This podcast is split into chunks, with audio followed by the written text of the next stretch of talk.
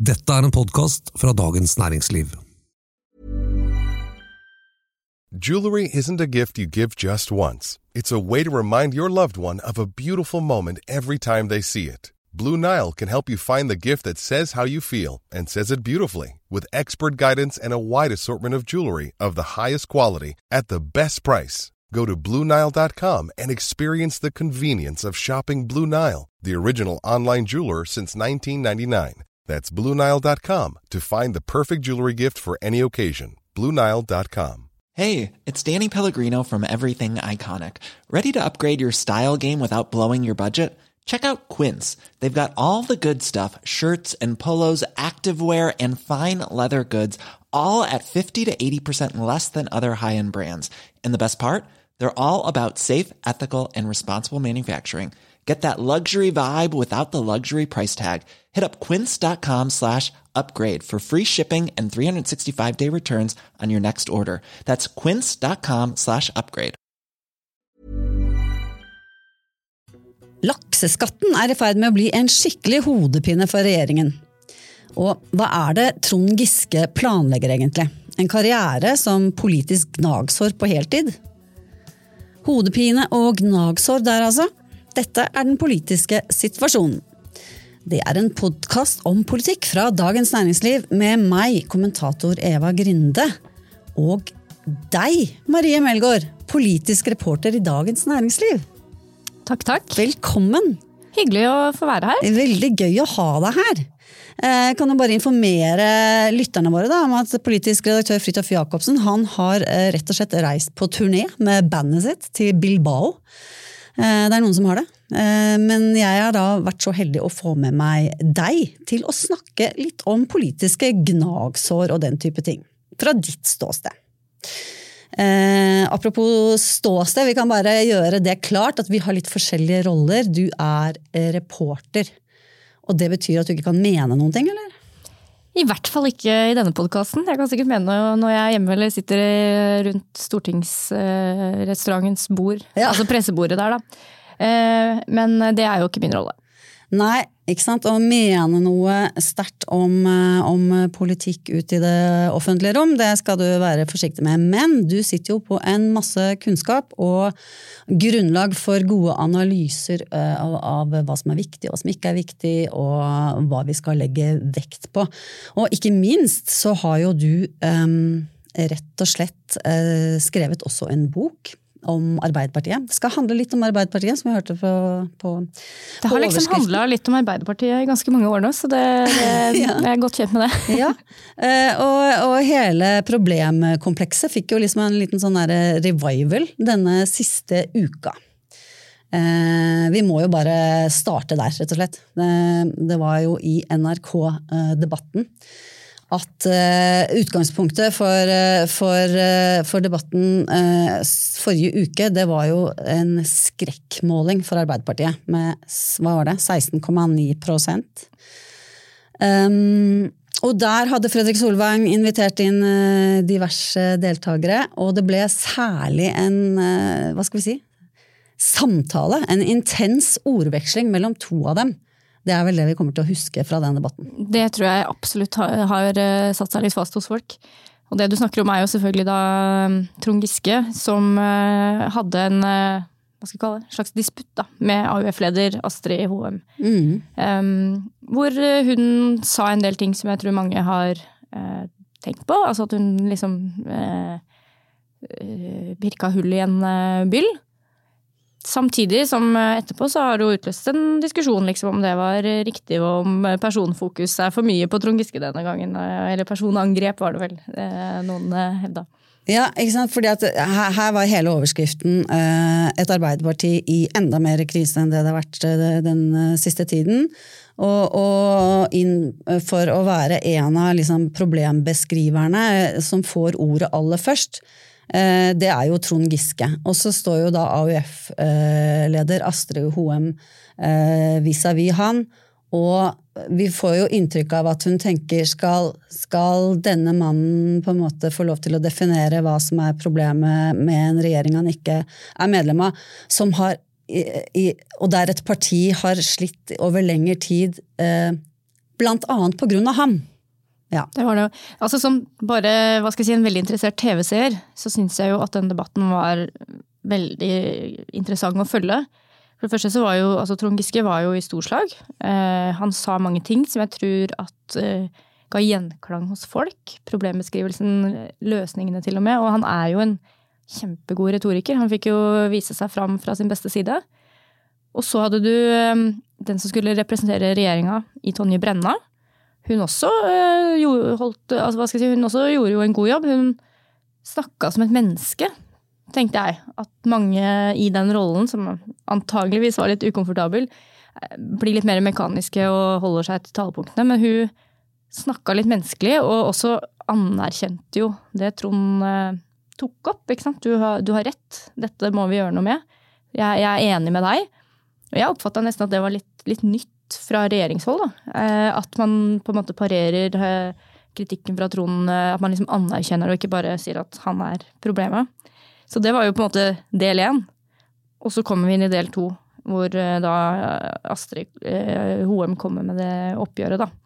Ja, jeg, jeg, er helt enig med deg. Jeg la også veldig merke til at Brenna tok var veldig sånn eksplisitt på at, at her i, i, partiet skal vi høre på alle, vi skal lytte til alle. Alle som er interessert i, i og medlem i vårt parti, er viktige for oss. Altså, liksom, eh, hun ga på en måte en slags rasjonale for hvorfor det var riktig og viktig å ha eh, også Trond Giske med i studio.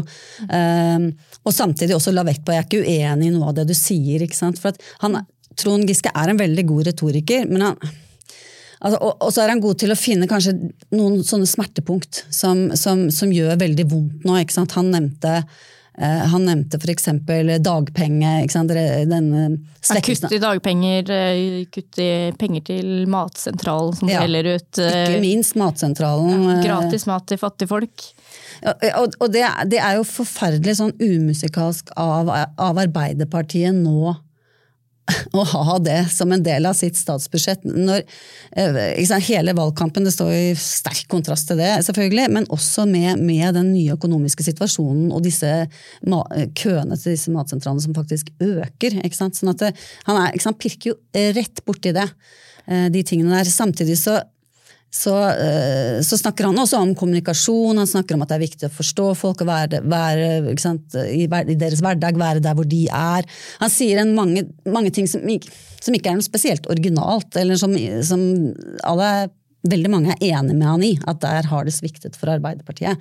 Og, og Tonje Brenna også, og, og, til og med Astrid Hoem. Begge to var jo egentlig veldig opptatt av å si at vi er ikke uenig egentlig av det du sier. Så det handler vel mer om den posisjonen han inntar, og måten han sier ting på, som mm. gjør at han får en sånn ja, for det er mange og historien. Som prater med på Stortinget som ja. sant, de sier jo det at det er jo ikke det at vi er egentlig uenig i det han påpeker. Jeg tror jeg tenker at det, det, skal vel godt gjøres å finne noen i Arbeiderpartiet i dag som argumenterer veldig kraftig for å kutte i penger til eh, Matsentralen. Men forskjellen på Trond og de andre i Ap nå er jo at de tar den diskusjonen internt. De sitter eventuelt i et sentralstyremøte eller et lokalmøte, eller på Stortinget for den saks skyld, eller i regjering, og, og tar dette eh, der.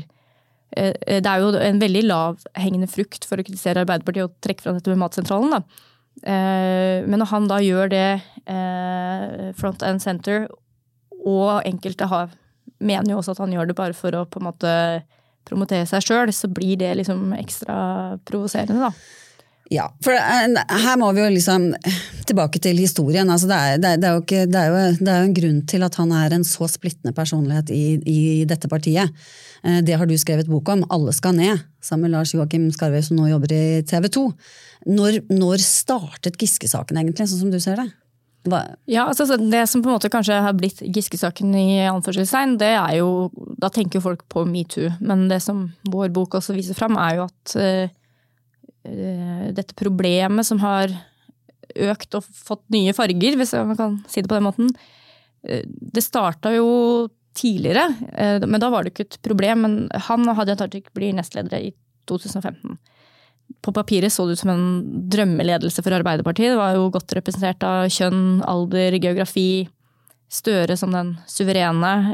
Kjersti Stenseng representerer bygd, organisasjon. Tikker av- alle Ja, bokser. sant? Hun var moderne, urban, og, og så hadde du Trond som hadde fagbevegelsen og tyngden og erfaringen og eh? Dette var jo et helt uslåelig lag. Og så går det ikke så veldig lenge før det her begynner å på en måte bli litt surt. Og, Ja. og først og fremst så var det jo da mellom de to nestlederne. Og den historien er jo eh, gammel, holdt jeg på å si. Så kommer vi inn i valgkampen, hvor Trond Giske da får et ansvar for å lede valgkampen.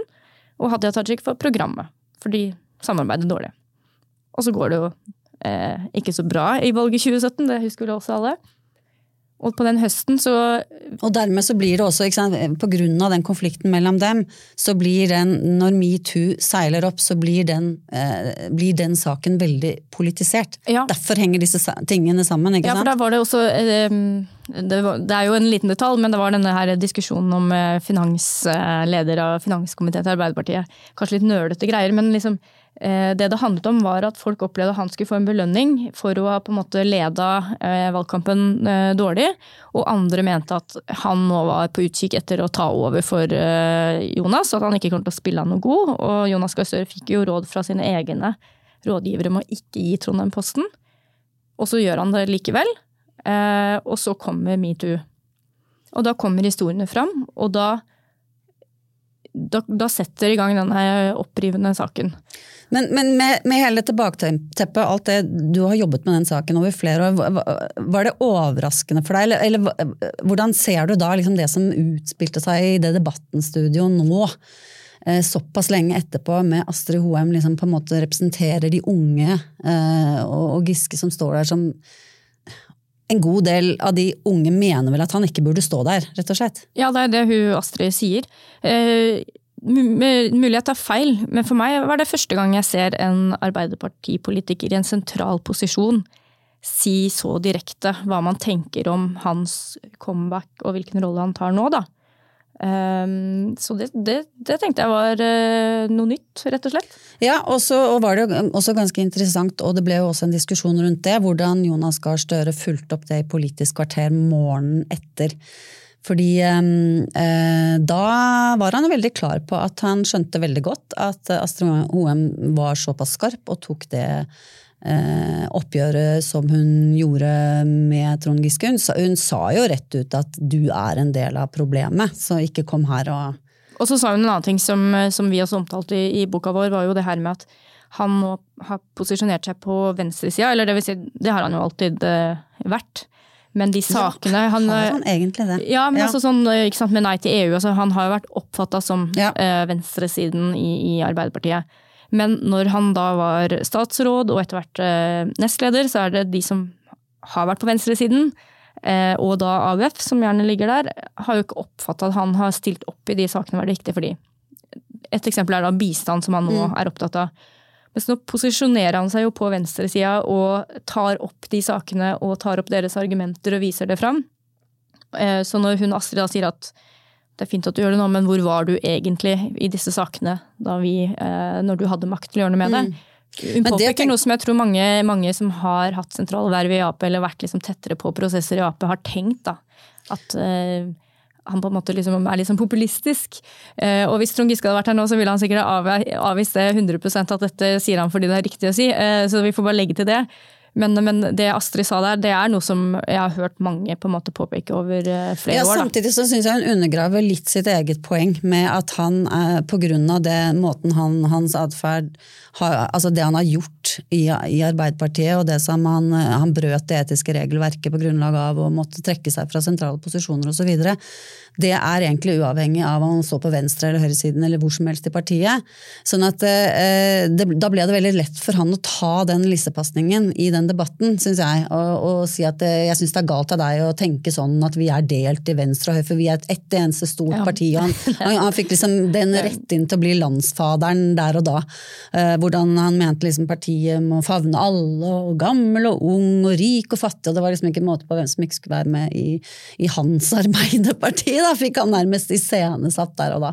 Ja, det, det jeg egentlig bare mente var at, eh, at jeg tror at det Astrid sa var eh, Det er mange som har tenkt på. Eh, Det tror jeg jo.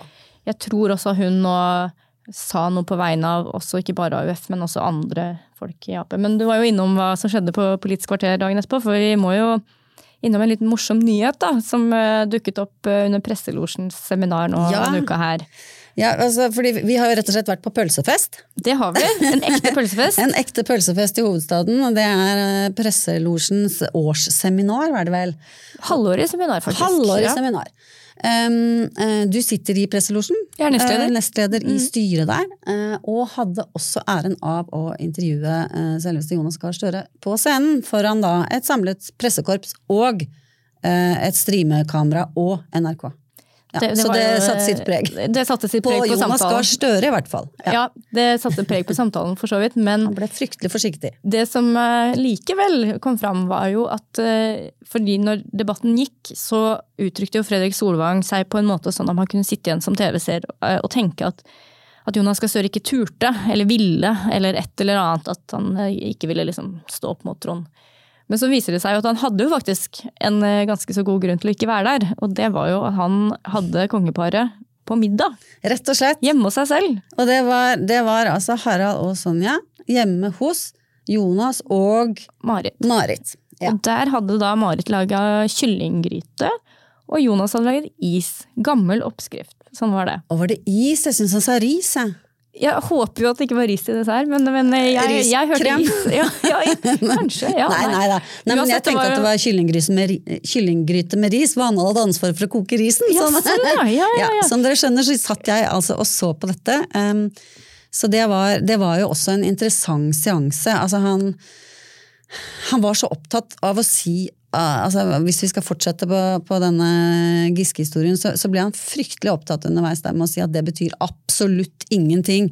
Og han, han Problemet, da, for, for meg som kan satse fritt, altså, nei, snakke fritt om dette, det er jo at jeg, jeg, det er jo ikke sjans for å løse det Giske-problemet i Arbeiderpartiet med mindre han trekker seg ut. Altså, det, det som er eh, status nå, er at eh, ledelsen i Arbeiderpartiet må på en måte legge en strategi for hvordan inkludere han. Og, ikke sant?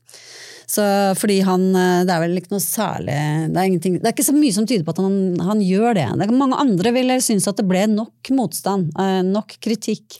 eh, av det han har vært igjennom, men eh, Akkurat nå så har jeg jo en eh, følelse med at, at eh, han er Eller mitt inntrykk av Trond Giske nå er at han opplever at han er i medvind. Han får jo være på debatten. Eh, Han får jo delta i de store politiske diskusjonene om politikk. Ikke sant? Nå ikke han bare stå i forsvarsposisjon og snakke om eh, metoo. Så han har jo på en måte oppnådd det han, jeg tenker at er det han Ja, vil, da, uten han, jeg vet det. Så får han Astrid Hoem til å se smålig ut, som tar opp den gamle konflikten, mens han bare vil det beste for Arbeiderpartiet, ikke sant? Ja, men der var det jo i forbindelse med dette intervjuet da, eh, av Jonas Gahr Støre, så eh, stilte jo jeg han en del spørsmål om han var klar over det her eh, som Astrid skulle si. Og det var jo det var jo ikke tilfeldig stilt spørsmål fra min side, for det, har- jo gått en altså, Det er jo mye snakk, da. Så dette, det her er et, noe som snakkes om. At var dette koordinert? Ja, ja, ja. For at hvis du ser det bare fra et utenforblikk, at du har Astrid, som er en AUF-leder, som snakker på vegne av de unge, uh, og, og har mange medlemmer som også har reist seg og gått ut når eh, Trond skulle tale, tar det oppgjøret med han. Eh, og så har du på en måte Tonje som er litt mer statskvinne i den debatten, og så kan Jonas komme etterpå og på en måte bare lene seg på kritikken fra Astrid uten å på en måte fremme den sjøl.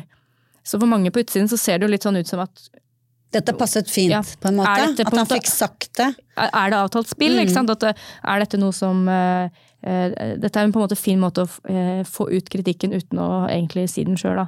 Men nå må vi Men- avsløre det. Ja, men når, når jeg da spurte han, eller det heter vel forresten da jeg spurte han om det, så, så, så eh, tilbakeviste han jo det og sa han ikke var kjent med det. Um, at det skulle bli sånn. Mm. Og det framsto også som at de tingene han sa i Politisk kvarter etterpå for å støtte Astrid, var fordi han ble spurt om det. Men uh, på spørsmål om noen på SMK, altså hans rådgiver eller statssekretær, visste om det, så var jeg sånn, jeg tror ikke det. Så det ligger jo Ja. det ligger et rom der for at noe kan ha skjedd, men Jeg er enig, Ja, han, var ikke, han var ikke sånn superkontant på det. Men du, dette her eh, kunne vi snakket veldig lenge om, merker jeg. Eh, og jeg håper vi, får, eh, vi kan få sjansen igjen en gang. Vi skal rett og slett over til fra et politisk gnagsår til et annet, nemlig lakseskatten. Selling a little or a lot?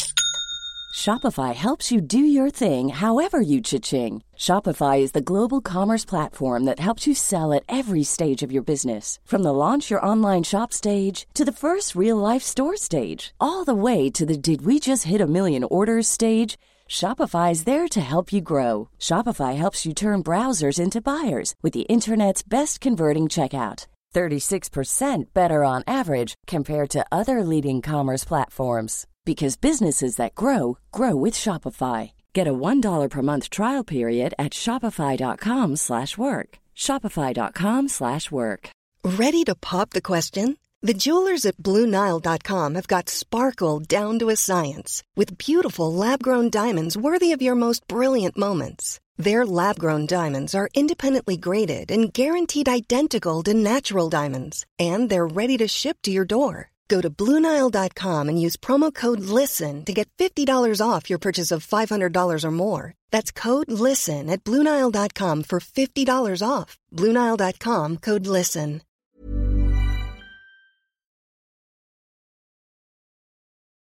Og jeg har fått en ny gjest inn i studio.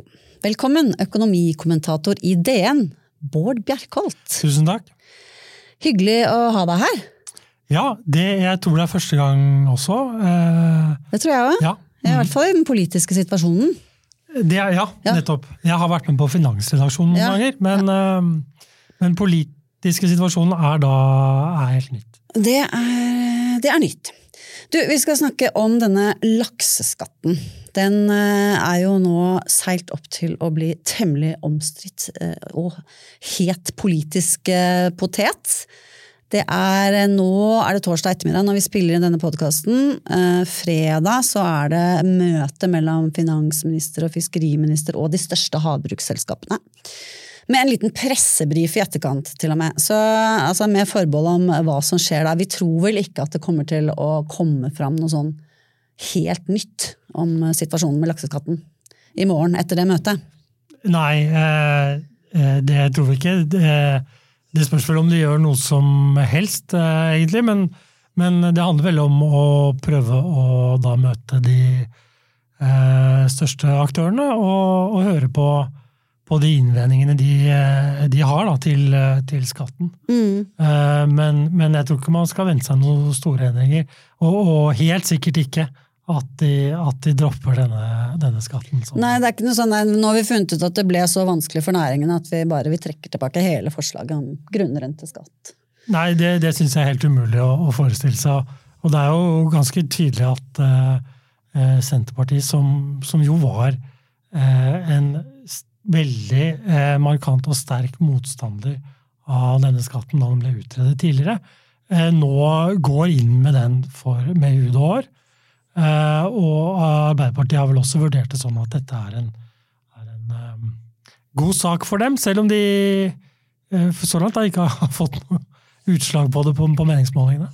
Nei, jeg, jeg tror de er veldig enige om at det er en god sak på den, i den forstand også at de da kan notere noen flere milliarder inn, inn i statskassen. Altså det handler vel også eh, Altså det at det ble litt akutt nå, kan vel også handle om den økonomiske situasjonen vi er i. For det er jo ikke noe nytt, denne ideen om å legge en grunnrenteskatt også på havbruksnæringen.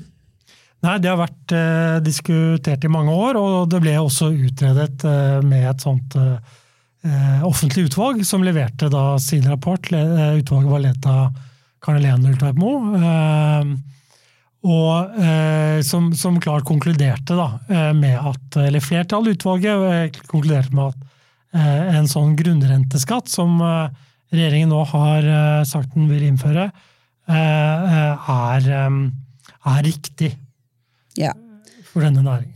Så de har jo hatt tid til, Det er liksom ikke sånn at oi, det, er- det er så sjokkerende at noen i det hele tatt foreslår noe sånt. Altså, nå- det høres jo, altså Distriktsran, arbeidsplasser, er, nå er det permitteringsvarsler. Det, det er ikke en måte på, det, det er en ganske sånn heftig krisemaksimering der ute i, i næringen. Ja, eh, DN holder jo på i disse dager å, lansere, ikke unnskyld DN, men DNs morselskap, eh, NHST, holder på å eh, eh, arrangere en, eller lansere en ny sånn avis som heter Kystens Næringsliv. Ja, ja, ja. Det Ja. har gjort det allerede, ja, ja, det? ja. Og der, eh, på et møte der, eh, det- så, eh, så, ble, så ble det jo sagt eh, flere ganger, eh, ble jo da Oslo eh, omtalt eh, som, eh, som eh, et sort hull. Ja. Hvor, hvor på en måte da liksom alle penger og alt bare trekkes inn. Så, så det er klart at dette sammen med en del andre skatteøkninger, eh, kan vi nok si, eh, både økt utbytteskatt og økt formuesskatt, eh, har, har ikke redusert dette Oslo-hatet i distriktene. Nei, nei for det, det, er, det er jo akkurat som at det, det, ser jo ut som det utvikler seg nå til å bli en sånn slags identitetspolitisk konflikt igjen, da, med, med sentrum-periferi. Eh, ikke sant? Oslo stjeler fra distriktene og utarmer distriktene osv. Men det, eh, det som da ikke blir tatt med i debatten, altså det er rett og slett litt sånn fake news, syns jeg, synes, hvordan det blir diskutert. fordi at det, det forslaget til regjeringen nå er jo eh, en veldig sånn god fordeling mellom, mellom kommuner og, og staten. Ja, Av eh, inntektene, av de økte skatteinntektene. Ja, sånn sett så får jo eh, kommunene her og, og eh, disse, hvor disse stedene, eh, oppdrettsselskapene har virksomhet, får jo mer penger ut av det enn enn, eh, de har fått tidligere. Og, Og mye mer enn det, enn det utvalget til Karen Helene Ultveit Moe foreslo også. Ja, absolutt. Og, og samtidig så må man også si at det er jo en, en lang tradisjon i Norge eh, fra å bes, eller for å beskatte denne type mm, inntekter eh, med en grunnrenteskatt, som, som da eh, innebærer at, eh, at staten eh, tar en del av investeringen, og dermed også får en del av gevinsten. Og dette, denne modellen i seg selv skal jo virke ganske nøytral på investeringer. Og det er, Nøytralt på investeringer, ja, det, det betyr jo da, ikke sant Hvis du ser for deg at du har hatt et eh, prosjekt eh, eh, hvor, hvor, hvor man har vurdert en investering som, som lønnsom, så før grunnrenteskatt, og så introduseres da en grunnrenteskatt. og da sier jo staten at vel, jeg skal ha, eller vi skal ha eh, 40% av, av disse inntektene, men vi tar også da 40% av investeringen. Eh, sånn at eh, investorer her sitter igjen med, Ja. med 60% Og det er klart at hvis du, ikke, hvis du er villig til å ta hele investeringen selv, så bør du også være villig til å ta 60% Og det er jo grunnen til at økonomer sier at, eh, at denne grunnrenteskatten er nøytral. Og så er det litt I den, ja, ja og, og, og da bare skyte ned, for det, det er jo liksom noe av det som, som har blitt sagt, at en grunnrenteskatt vil ikke påvirke investeringsviljen, har jo vært, ikke sant. Eh, Det er på en måte, det høres jo nesten litt sånn for godt ut til å, å være sant, men det er jo i den, for- med den forklaringen du gir der. Og samtidig så ser vi nå fakta på bordet at eh, jeg husker ikke mange milliarder der som nå er satt i, av investeringsmilliarder som på en måte er satt eh, i bero, fordi man er usikker på hvordan denne grunnrenten vil slå ut. Så, så eh, er det da skrivebord, skrivebords... eh, er det skrivebordet som møter virkeligheten her? Altså, det er fortsatt eh, gode grunner til å, til å eh, tro at en, en sånn skatt ikke, ikke vil føre til noen veldig eh, stopp i investeringer på sikt. Men det er klart at idet du innfører den, eh, og spesielt når du innfører den sånn som regjeringen har gjort, eh, Ja, med å si at den skal gjelde fra 1. januar eh, før, neste år, før reglene egentlig er vedtatt. Så er det klart Så vi bestemmer, sånn jeg tror det var du som formulerte i en kommentar, vi, vi bestemmer i morgen hva, hva du skal betale i dag. Og den, den er jo litt vrien å forholde seg til, og den er jo ikke helt etter boka. Ja, det, ja, det, Der har de et poeng, det si det sånn. skaper nok eh, en god del usikkerhet. Og, og jeg tror det er det, hvis man skal i hvert fall være litt legge godviljen til her, og ikke bare si at dette er en ren lobbykampanje fra selskapene, så, så er det klart at eh, det er ikke så rart når skatten økes så mye eh, over natten, at, eh, at de må se på ting eh, en gang til. Eh, og så er det et annet moment her, og det er jo det at eh, for eh, fremtidige investeringer så er det jo veldig bra, fordi da, da, da er jo staten med og tar sin del av investeringen. Men for de investeringene som allerede er gjort, så, så er jo situasjonen den at, at staten kommer og forsyner seg med 40 av eh, selskapet ditt, på en måte. Og de tar mer jo flinkere du har vært. På ja, ja, på sett og vis. ikke sant? Og denne skatten er i tillegg utformet da Den treffer jo de største aktørene hardest. Og de aller minste de slipper å betale noe som helst her. Men jeg kan bare skyte inn altså, disse, disse som da har tatt hele fortjenesten, har jo gjort det, da, tross alt, i, disse, i, i, i altså, x antall år. Det vil jo variere. Men det er klart, de som eh, satte i gang i fjor, uh, brukte alle pengene sine på å investere, og så må betale ikke sant? Det er noen kanskje som rammes av en, en, en overgang, men vil det, det vil jo alltid være litt sånn når man skal endre regler. At noen blir rammet uh, hardt. Ja, og, og det er jo eh, også en Tøff løkk, liksom. Sånn er livet. Det er også en eh, god begrunnelse, syns jeg, eh, på at eh, fellesskapet skal ta inn noe av, eh, disse inntektene, i og med at eh, dette er jo konsesjoner da, eh, som er gitt eh, uten at eh, uten at selskapene har eh, betalt så mye for dem. Det er først i de siste årene at, man har solgt disse eh, til markedspris. Da. Mm. Så før så ble de stort sett gitt bort. eh, og, eller solgt veldig billig. Så Jeg bare, eh, du sier at vi skal legge litt godvilje til å forstå, forstå næringa. Eh, Det kan jo være litt vanskelig hvis jeg liksom sånn ja, Hva var det? 800 millioner i overskudd Lerøy la fram denne uka her. Eh, Det går, det går jo forrykende bra. Jeg tenker også Karen Helene Ultveit Moe hun er fortsatt sint. Eh, Hun, hun ledet jo dette, dette utvalget i 2019, og da greide jo næringen å på en måte, med en, henne i hvert fall, og mange observatører, eh, med en intens lobbykampanje, å bare eh, få politikerne til å hoppe over den, det, det rådet om å innføre en grunnrenteskatt. Så de har jo fått utsatt det. Eh, Og hun kaller jo dette, det de næringen driver med nå, som et rent sånn trusselspill, eh, hvor man på en måte bruker ansatte og truer med oppsigelser og permitteringer. Og er hun eh, Ja. Nei, altså Det er klart at det, det, det koster jo ikke så mye å sende et permitteringsvarsel. Eh, Nei. eh, det Men det har veldig stor symboleffekt eh, det, koster heller ikke så mye å, å si at du ikke kommer til å gjøre en investering, eller utsette investering eh, i et halvt år eller noe sånt nå. Eh, så, så jeg tror man skal ta dette med, med et klype salt. Og så, men så tror jeg kanskje at eh, det man kan høre på litt her, altså det er at, eh, at næringen syns den har fått en litt sånn Fått både dårlig tid, eh, i og med at den skatten skal gjelde så fort, eh, allerede fra, fra 1. januar. Og, så, og kanskje heller gi dem litt mer tid enn en, enn gunstigere betingelser her. Ja, altså Motargumentet der er jo at det Man har jo Ok, det har ikke vært varslet at den skal innføres, men man har jo visst om denne eh, innretningen, grunnrenteskatten, kom til Det har vel ligget i kortene at det skulle komme før eller siden. Ehm, men, eh, Og et annet er altså man er redd mange, Jeg har bare hørt folk si at ok, hvis de får et år til på seg, da, så er det inn mot eh, kommunevalg, ikke sant? og så er det bare å piske opp stemningen og eh, få lagt den ballen. Større sjanse for å få lagt den ballen død, da, men jeg tror jo ikke de kommer til å få det, det året. Altså, Regjeringen trenger jo de penga for 2023. Ja, eh, dette var en skatt som ble lansert i slutten av september sammen med sånn ekstraordinære skatter på, på kraftnæringen. Hvor, hvor begrunnelsen var, eh, var klar, da, og at eh, det nå trengtes det mer penger i budsjettet. Jeg syns jo det er en ganske dårlig måte å innføre en skatt på. Det er en, det er en dårlig begrunnelse.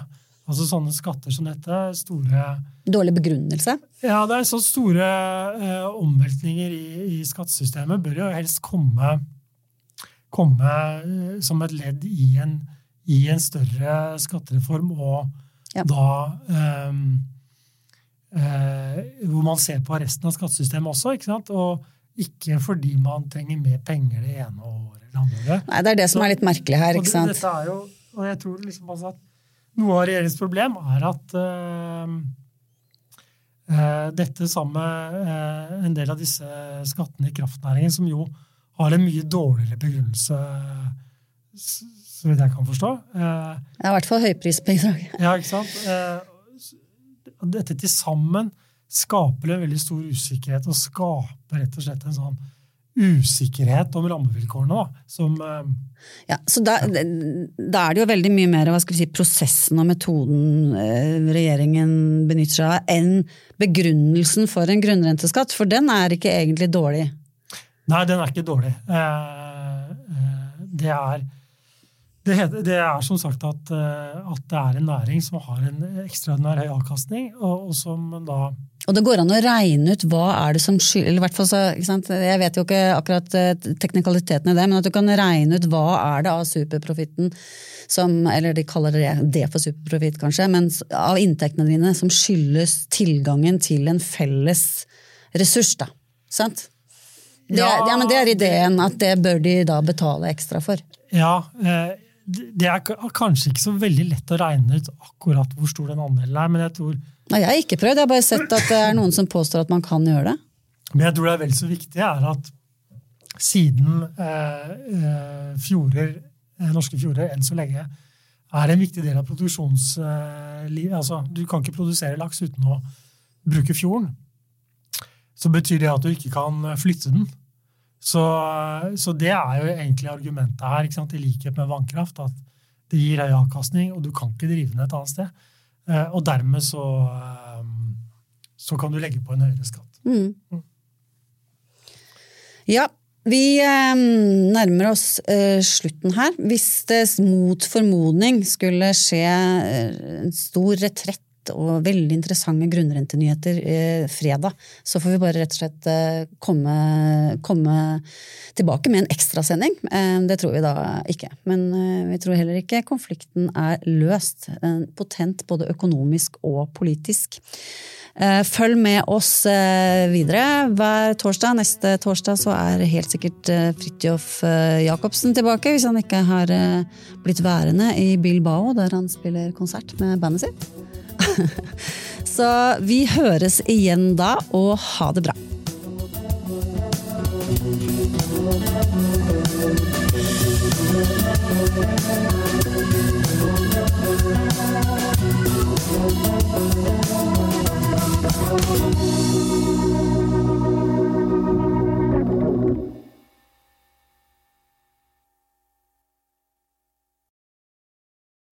Du har nå hørt en podkast fra Dagens Næringsliv.